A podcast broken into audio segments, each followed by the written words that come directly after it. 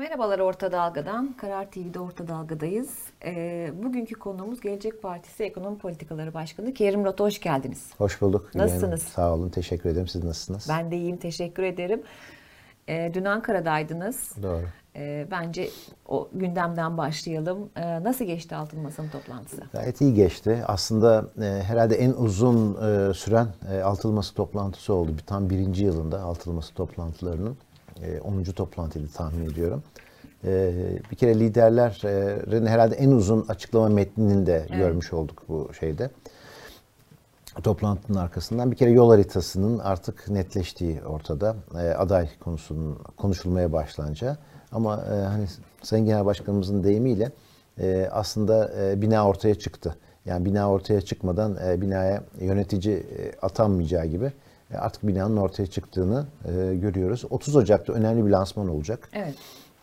30 Ocak'ta hem geçiş e, süreci yol haritası e, hem de ortak hükümet programı diye adlandırabileceğiniz e, ortak değerlerimizi e, ve uygulama planının anlatılacağı bir lansman olacak. Bütün liderler de orada olacak. E, o lansman sonrasında da e, artık bu programa ve bu geçiş sürecine e, ben adayım e, diyecek olan Cumhurbaşkanı adayıyla da yola devam edilecek. Ee, tabii siz Eko, Altı Parti'nin ekonomi kurmayları olarak yoğun bir mesai yaptınız. Ee, programınız hazır mı? Hazır. Aslında 30'unda e, olması teknik sebepten kaynaklanıyor. Yoksa e, 16'sında da e, bu lansman yapılabilecek e, durumdaydı. E, tabii ki işin bir iletişim boyutu var. O çalışılacak. E, ama yani 3-4 madde dışında hemen hemen e, liderlere gitmesi gereken hiçbir şey yoktu aslında. E, bütün hem ekonomi, sadece ekonomi de değil tabii program. 9 ana başlıktan oluşuyor. İşin içinde e, milli savunmadan, tarımdan, e, sanayiye, eğitime 9 tane büyük başlık var.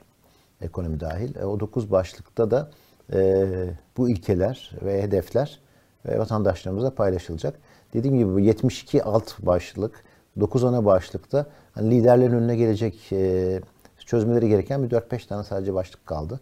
O anlamda çok uyumlu bir çalışma sistematiği oluştu. Peki e, ekonomi programınızda nasıl bir şey vaat ediyorsunuz? Yani böyle kısa dönem, orta dönem, uzun dönem Evet. mi? Yani eğer seçimde muhalefet kazanırsa e, kaç ay içinde ekonomik olarak bir nefes alma söz konusu olabilir? Bir öngörünüz var mı? Tabii. Yani program tabii ki 3 aşamalı ol- olacak. İlk 100 gün yapılacaklar. 100 gün ile 365 gün arasında yapılacaklar ve bir yıl sonrasında ulaşılabilecek hedefler ve yapılacaklar anlamında bir sistematiğimiz vardı, çalışma sistematiğimiz. E, tabii ki en önemli sorun Türkiye'nin en yakıcı sorunu enflasyon. E, dolayısıyla enflasyonu çözebilmek ve Türkiye'nin enflasyonu tekrar tek haneye indirmek için çok net bir program ortaya konacak. Orada iki sene gibi bir süre öngörüyoruz tabii ki. Ama bunun dışında da özellikle kamu maliyesinde yapılacaklarla da e, vatandaşlarımızın bu enflasyonu düşürme programının e, sıkıntısını daha fazla çekmemesi için de kamu maliyesinde çok önemli değişiklikler e, getiren bir yaklaşımımız olacak. Böyle baktığınızda ben şunu söyleyebilirim yani Türkiye'de iktidar değiştiği ilk gün itibariyle vatandaşların ekonomik açıdan bugünkünden daha iyi durumda olacağı bir atmosfer, bir iklim oluşacak.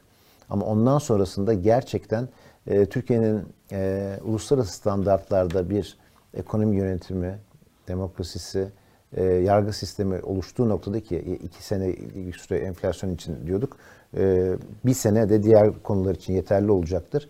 E, ondan sonrasında Türkiye'de hem istihdam piyasası hem e, ekonomi çok daha iyi bir seviyede olacak ve insanlar bunu daha iyi hissedecekler ama hiçbir zaman bugün oldukları kadar umutsuz e, ve fakir olmayacaklar. Bunu vaat edebiliyoruz. E, Zaten aslında herkesin duymak istediği şey de bu. Evet. Slogan olarak da yarının Türkiye'si için cesaret zamanı gibi Evet. bir hani cesaret kelimesi de e, ilginç. Hani genelde daha böyle bir e, şu olacak, bu olacak, hazırız falan gibi cesaret kelimesi açıkçası benim biraz ilgimi çekti ama Evet. ilginç ve vurucu bir e, kelime galiba. Evet yani e, net net bir şekilde e, mührün kimde olduğunu, gücün kimde olduğunu aslında e, ortaya koymak istedi bu slogan. E, şu anda e, bu işi değiştirebilecek olan sandığa gidecek vatandaşlarımız.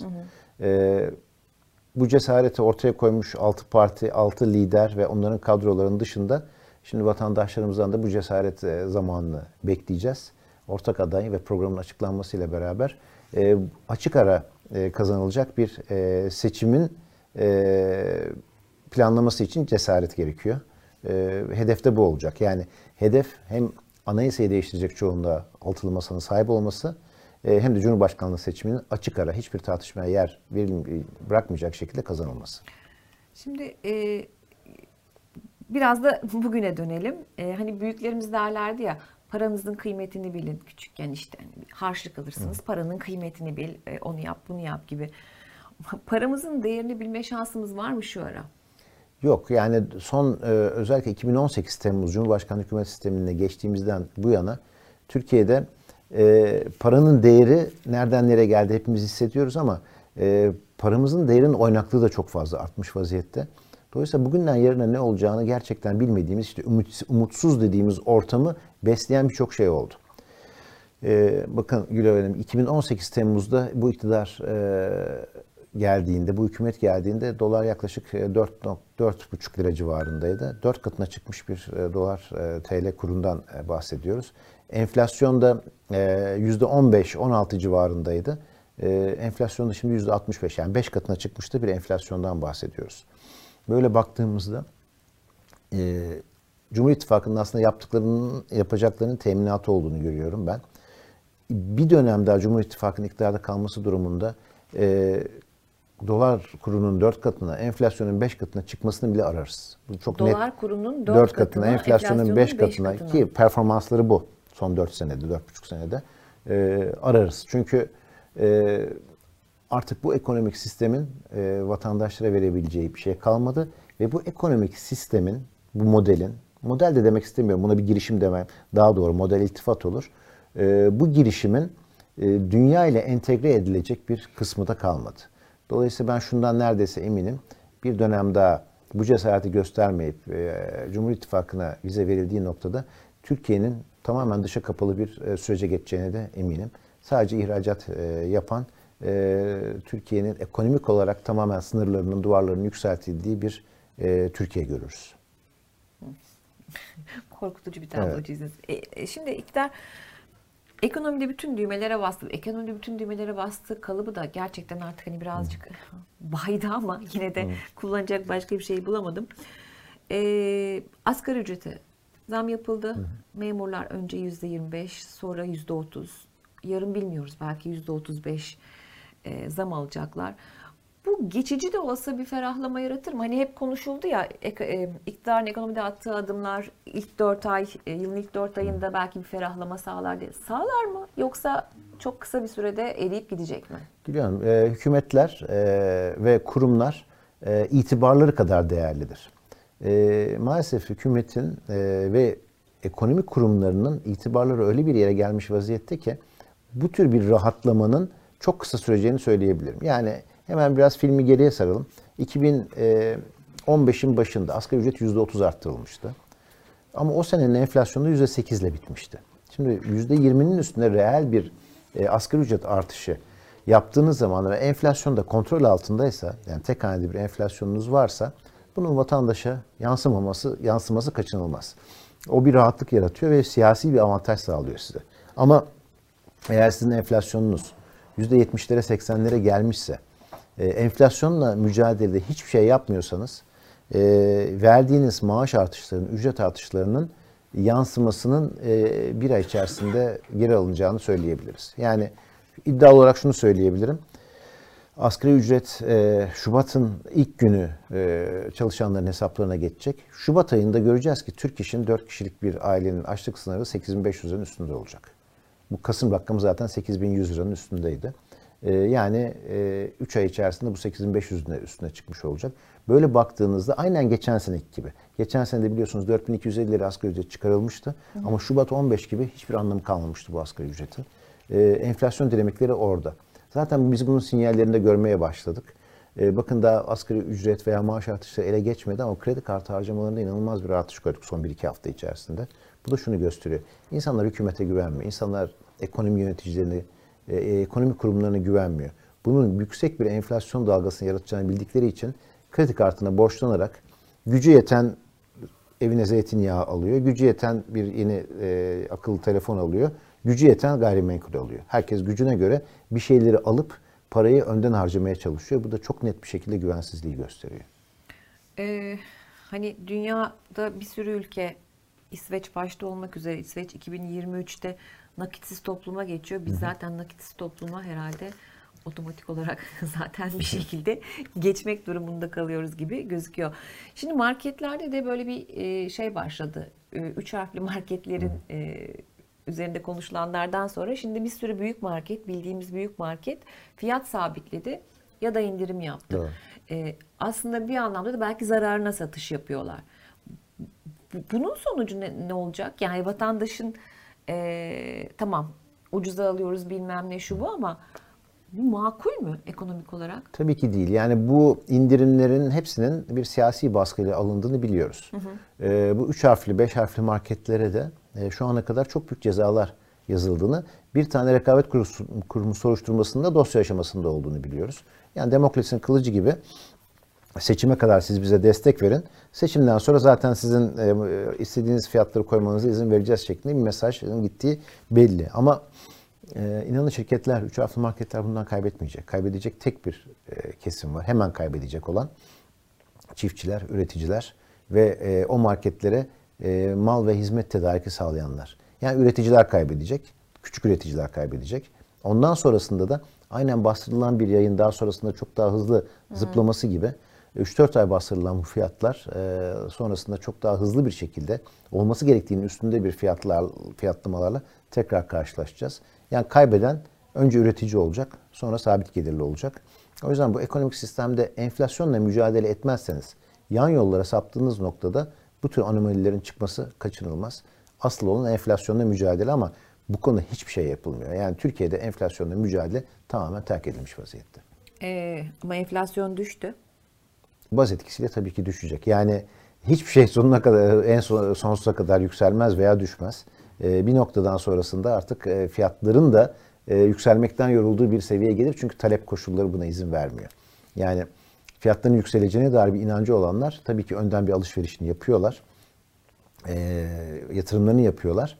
Ama artık bir noktadan sonra onlar yorulduğunda, onların paraları azaldığında, nakitleri veya yatırımları azaldığında tabii ki fiyatlarda bir e, artış hızında azalma oluyor. Ama şöyle söyleyeyim, e, 2021'in e, yani 2021 yılının enflasyonunun yüzde 36, e, 2022'nin e, enflasyonunda yüzde 64 e, olduğunu e, göz ardı etmeyelim. E, dolayısıyla e, 2020'nin sonunda 100 liraya aldığımız e, mal ve hizmeti 2020'nin sonunda 136 liraya aldık. E, bu 2022'nin sonunda yaklaşık 220 liraya geldi. Seçime kadar olan dönemde de bu 250 liraya gelecek. Yani düşen bir şey yok. Sadece artış hızının biraz yavaşlaması var. Evet. e, peki şimdi şöyle de bir durum var. E, hani ne yapalım, ne edelim, nereye yatırım yapalım derken biraz böyle pa- elinizde para tutmayın. Hani yalan dünya ne yapalım? Har vurup harman mı savuralım? Hani herkes aslında bir anlamda da işte e, parası olan gayrimenkul almaya çalışıyor. E, şimdi bir de tabii bu yeni konut faizleri gündemde. O konuda ne, ne diyorsunuz? Yani bu konut faizleri e, kime yarayacak? Çünkü koşulları çok Tabii. e, ağır. Eviniz olmayacak, ailenize ait bir ev olmayacak, şu olmayacak, bu olmayacak. Yani bu kaç kişi bununla konut sahibi olabilir ki? E, enflasyonla mücadele etmediğiniz zaman işte böyle bir illüzyon siyasetinin de kurbanı oluyorsunuz. Bu tam bir illüzyon siyaseti. Şimdi e, Nurettin Nebati'nin göreve geldiğinden bu yana, 2021 Aralık'tan bu yana çok net bir mesaj veriyor hükümet vatandaşlarına. Sakın Türk lirasını elinizde tutmayın, Türk lirasına yatırım yapmayın. Türk lira elinizde Türk lirası tutarsanız, cebinizdeki Türk lirasını tutarsanız yanarsınız. Ya gidin dolar alın diyor. Onu da istemiyor şimdi. Çünkü çok yükseldi dolar. Ee, döviz kaynakları azaldı. Ya gayrimenkul alın, ya bir e, mal ve hizmet alın, ya bir yatırım yapın. Yani özendirilen bu. Şimdi kendi parasının cinsinden, kendi parasının tasarruf özelliğini yitirmiş bir ülkenin e, savrulması da kaçınılmazdır. İşte hükümet de bu savrukluğun e, faturasını yine vatandaşlara çıkartıyor. Bakın 100 bin konuta kadar olacak olan bu kampanya e, işte belli bölgelerde 3 milyon liraya, belli bölgelerde 5 milyon liraya kadar bir finansman sağlayacak.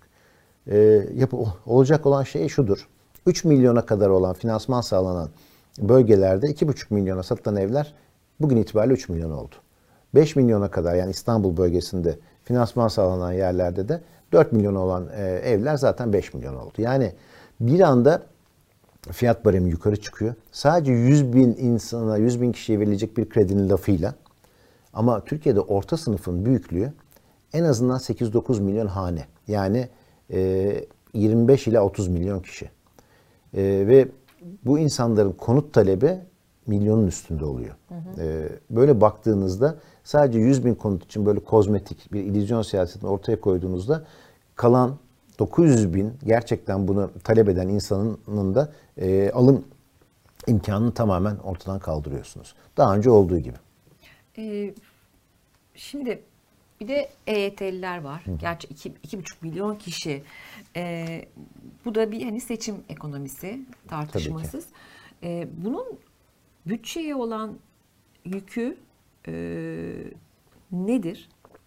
Şimdi EYT meselesi tabii e, çok uzun süredir e, örgütlenmiş bir EYT e, örgütlerinin ciddi anlamda bir mücadele sonuçta kazanılmış bir hak.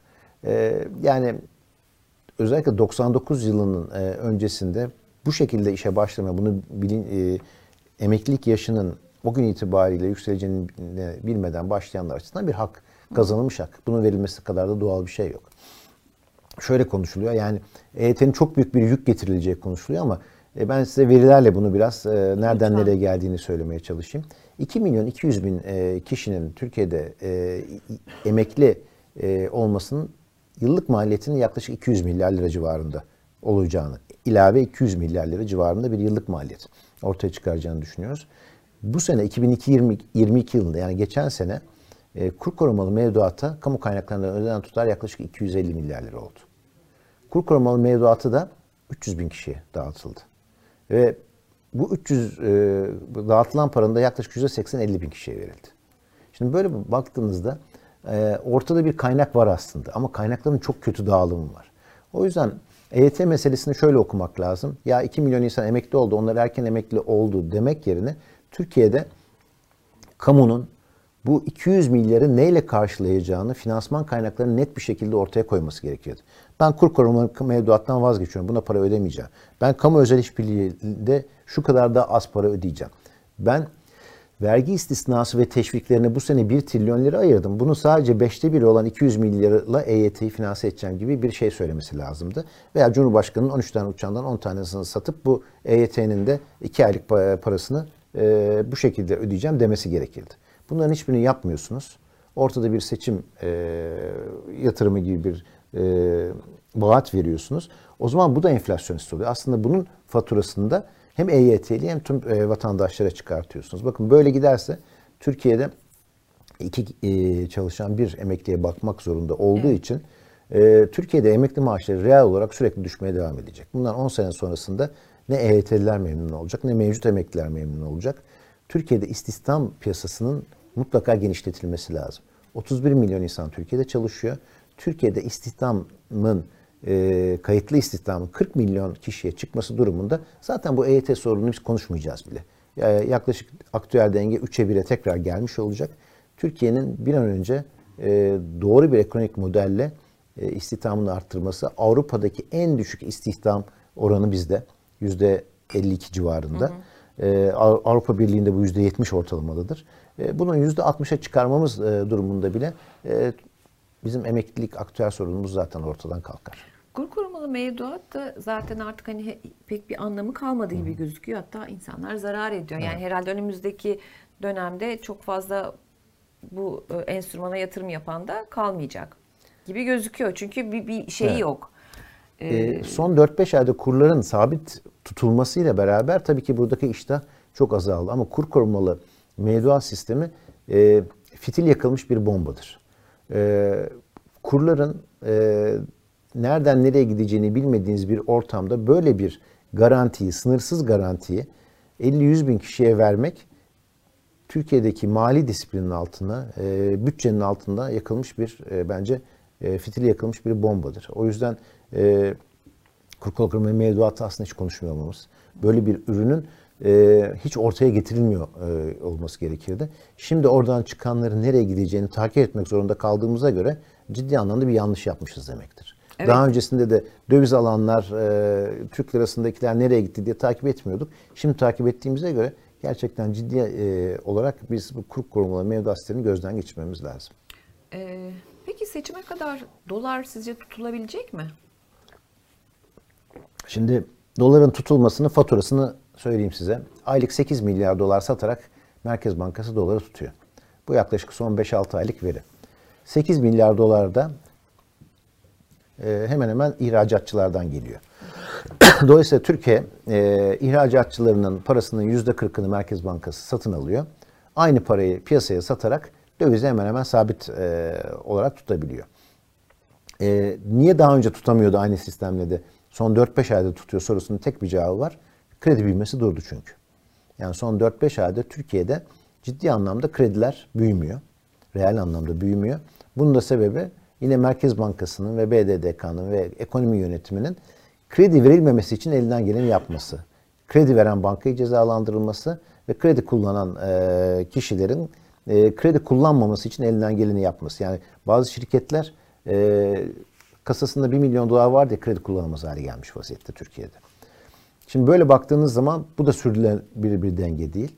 8 milyar doları bulduğu noktada dövizi tutuyordu ama şimdi kredi genişlemesi de başladı Gülay Hanım. İşte kredi kartları, EYT'ye verilen paralar, e, şeyle maaşlardaki artışlarla bir kredi ve parasal genişleme başladığı için bu 8 milyar dolar yetmeyecek. Benim tahminim artık Merkez Bankası'nın e, aylık 10 milyar dolar, 11 milyar dolar civarında bir para ihtiyacı olacak. İşte o yüzden de sürekli ayarları kısmaya çalışıyorlar. O yüzden aman döviz almayın diye her gün bankalara telefonlar e, açılıyor. O yüzden yurt dışı transferleri engellemek için çeşitli e, bahaneler e, evet. uyduruyorlar.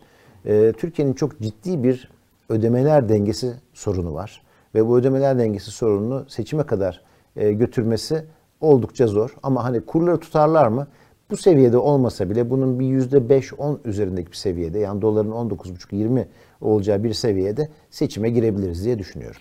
Peki e, diyelim muhalefet seçimi kazandı e, ama işte Temmuz itibariyle Türkiye'nin ödemesi gereken e, çok ciddi paralar var.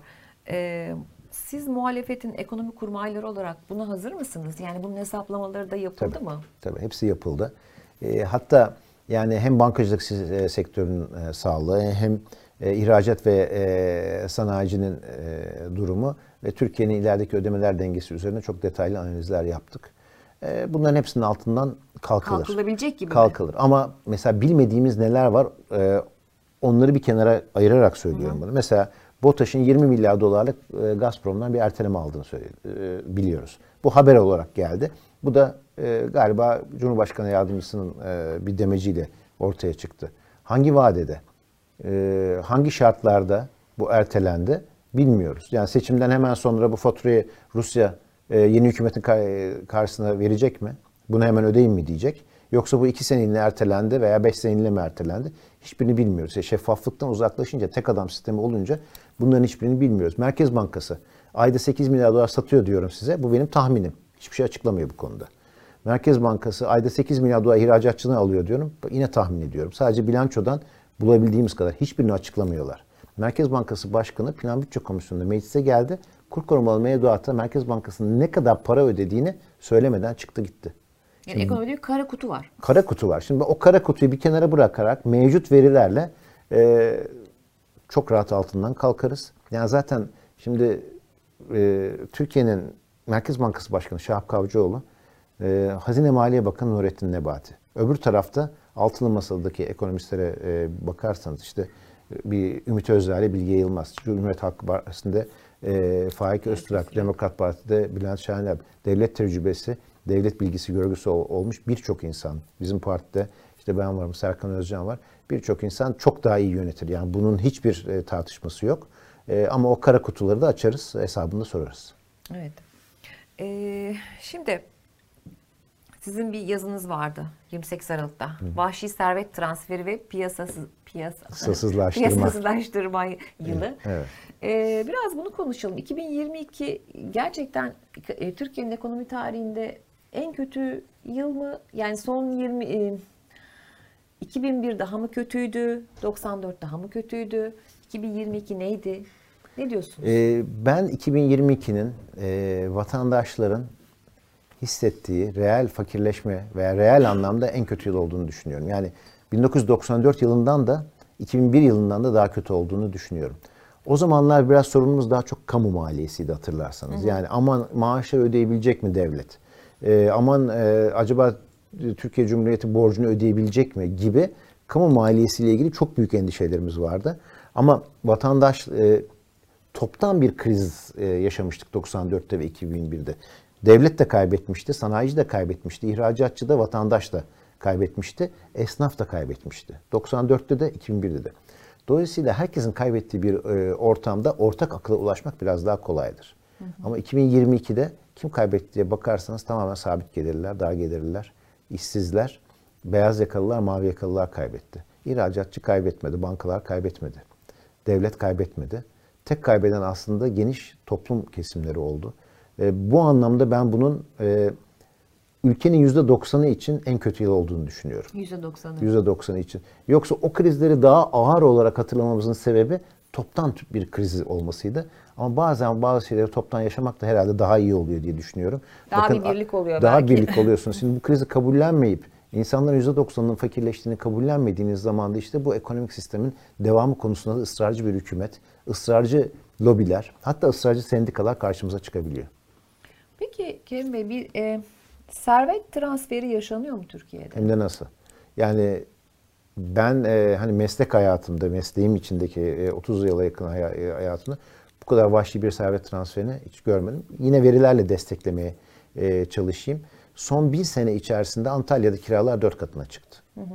Son bir sene içerisinde e, İstanbul'da kiralar üç katına, e, ev fiyatları üç katına çıktı. Otomobil fiyatları yaklaşık olarak iki buçuk katına çıktı. Ama enflasyon yüzde 64 olarak bitti. Sizin geliriniz yüzde 60 arttı. Yani bazıları şunu söyleyebiliyor. Ya e, benim maaşım da enflasyon kadar arttı. Hatta yüzde yüz arttı. E, gıda enflasyonu kadar arttı. Ben fakirleşmedim. Fakirleşmek sadece bugün ne yiyip içtiğiniz veya daha e, geçen hafta aldığınız bu hafta aldığınızla karşılaştırmak değildir. Fakirleşme e, özellikle orta sınıf için bir eve, bir arabaya, bir restoranda e, yemeğe, bir hafta tatile çıkma ihtimalinizin azalması da fikirleşmedir. Türkiye'de bu inanılmaz derin bir şekilde yaşanmış vaziyette. Siz de etrafınızda hissediyorsunuzdur.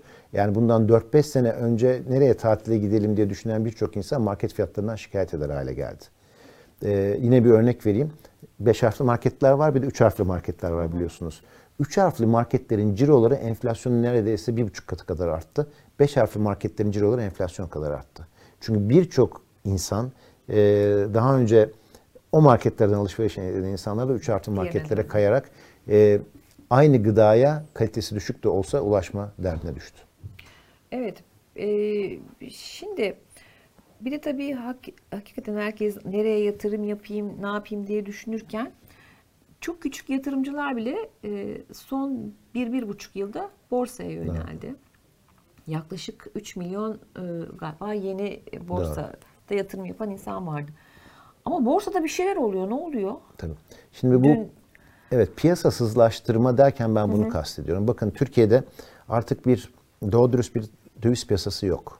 Devlet kontrolünde. Tahvil piyasası yok. Devlet kontrolünde. Faizler devlet kontrolünde. Kredi piyasası, mevduat piyasası yok.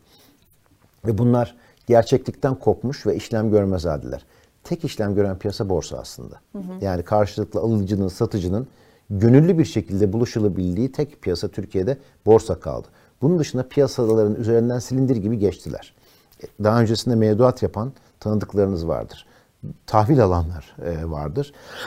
Veya işte girip e, bir şekilde e, bir yatırım yapan tanıdıklarınız vardır hiçbir alternatif kalmadı. Ya döviz alacaksınız ya borsaya gideceksiniz. E, dövizde de son 3-4 aydaki sabitleşmeden dolayı borsaya büyük ilgi oldu. Özellikle gençlerde e, bu daha önce kripto paralar olan ilgi gibi bir ilgi Borsa, de oluştu. Evet. Kripto paralarda da tabii çok büyük bir oynaklık oluştu.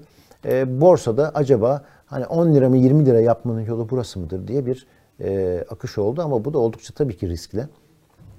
Çünkü sürekli yükselen bir borsa, sürekli yükselen bir menkul kıymetler piyasası olamaz.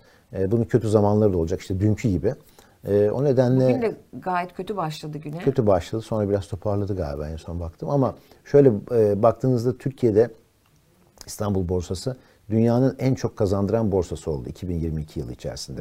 Burada da bir anomali var. Dünyada borsaların hemen hemen en kötü yılında e, en çok kazandıran borsa olmamızın önemli sebeplerinden bir tanesi de diğer piyasaların artık iş göremez hale gelmesi.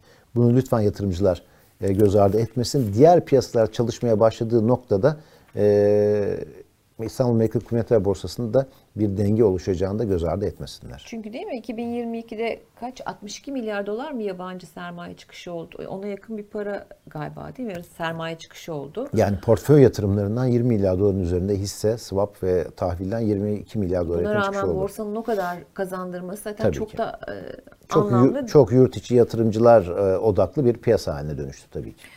Ee, peki bir de şey de var hani borsanın düşüşünde e, İstanbul Büyükşehir Belediye Başkanı Ekrem İmamoğlu'na getirilen siyasi e, yasağın da borsayı etkilediğini söyleyenler var. Böyle bir şey olabilir mi?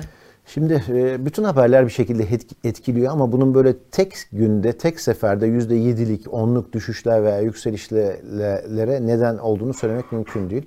Mesela dünkü düşüşü çok anlamlandırmak mümkün değil ama mesela HDP'ye e, verilen, e, Verilen- dondurma, e, kaynak dondurma Anayasa Mahkemesi'nin kararı bence e, önemliydi. E, bunun dışında hani bazen şu oluyor, bir haber 3 gün önce duyuyorsunuz ama borsa onu 3 gün sonra fiyatlıyor olabiliyor. Herkesin e, çok kazandığını hissettiği bir noktada birileri satışa geçebiliyor. O yüzden tek bir habere bağlamak çok doğru değil diye düşünüyorum. Ee, bir de gelelim tabii İstanbul e, sermayenin en yoğun olduğu şehir. E, ve şu an hani belediyede çok e, ilginç bir süreç yaşanıyor. Bugün de Bostancı metrosunun açılışı var sanıyorum.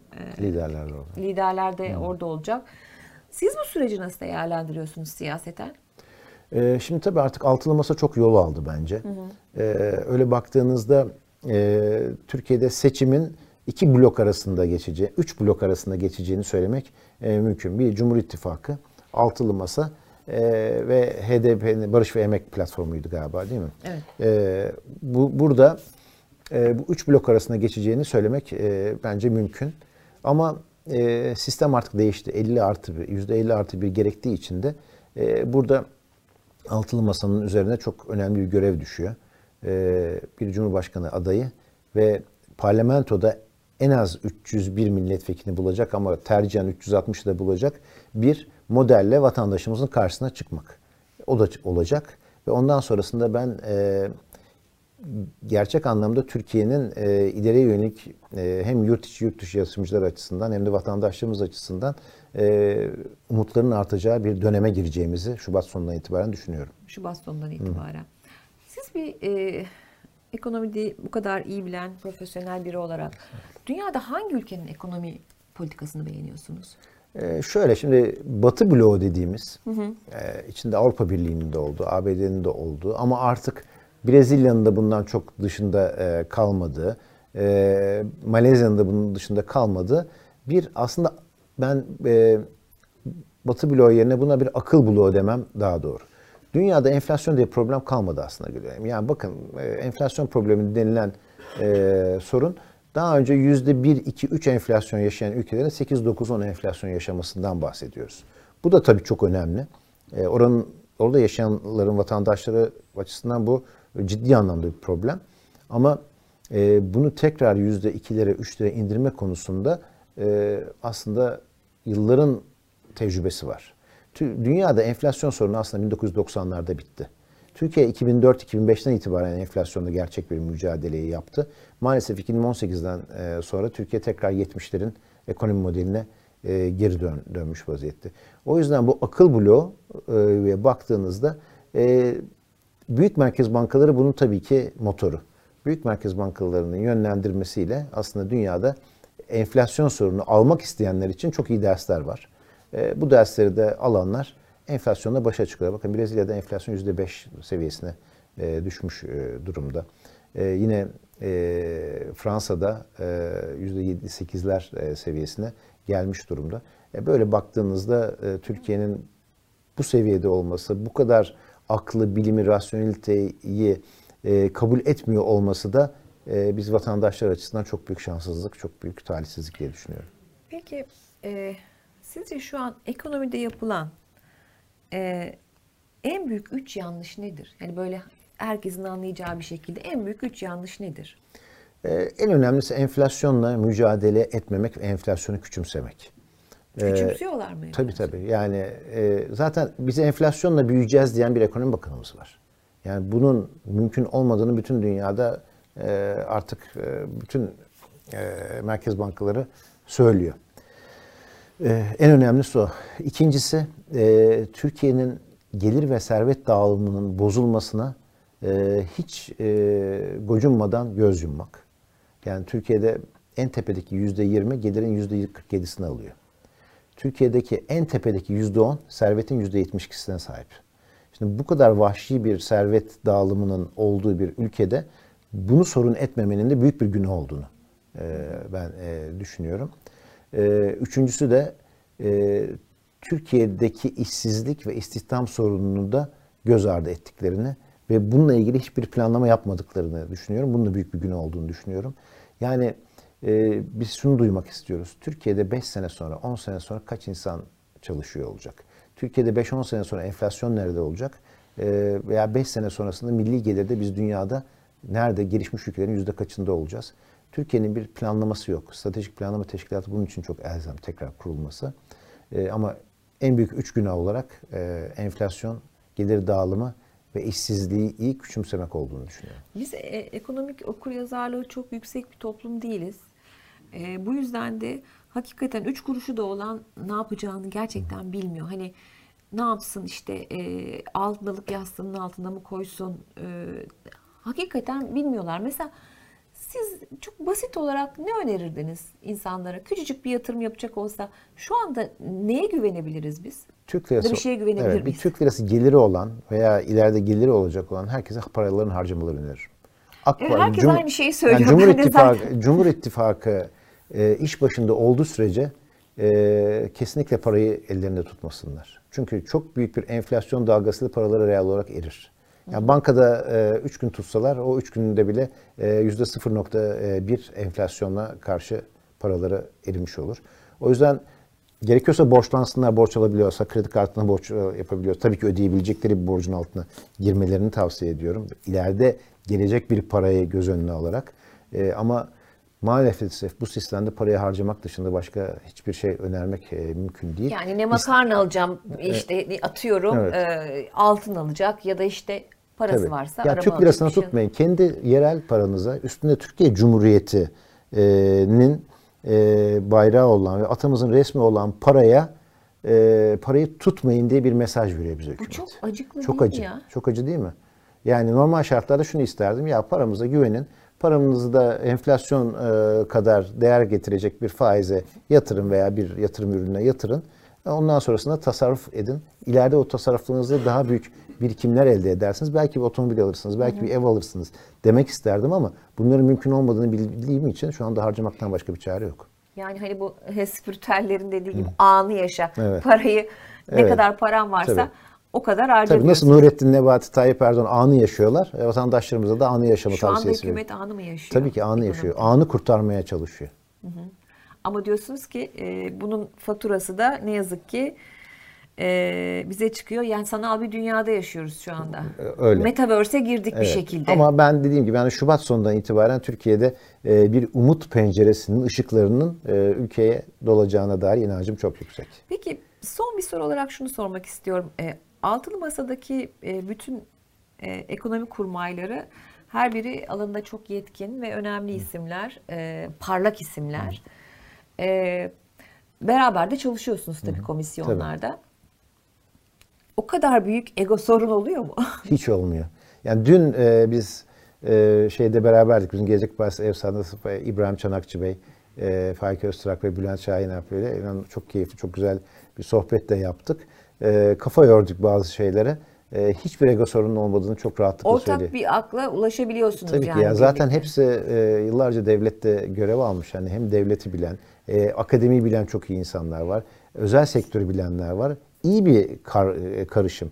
E, yani hem akademi hem özel sektör hem devleti bilen insanların bir masada Türkiye için kafa yormasının ben büyük bir şans olduğunu Yani siz o çalışmalar bitip evinize döndükten sonra yattığınızda ve güzel bir gündü, güzel bir Kesinlikle. çalışmaydı ve verimliydi diyebiliyorsunuz. Kesinlikle. Yani bir de e, karşılaştıracağımız şeyin e, Cumhur İttifakı'nın ekonomik politikalarla olduğunu e, görünce zaten e, çok üst seviyede çalışmalar yaptığımızı söyleyebilirim. Peki. Kerim Rota çok teşekkür ediyorum geldiğiniz için. Ben teşekkür ederim. Tekrar görüşmek üzere inşallah diyorum. İnşallah. Evet bugünlük bu kadar. Ee, haftaya tekrar görüşmek üzere diyelim. Hoşçakalın iyi hafta sonları.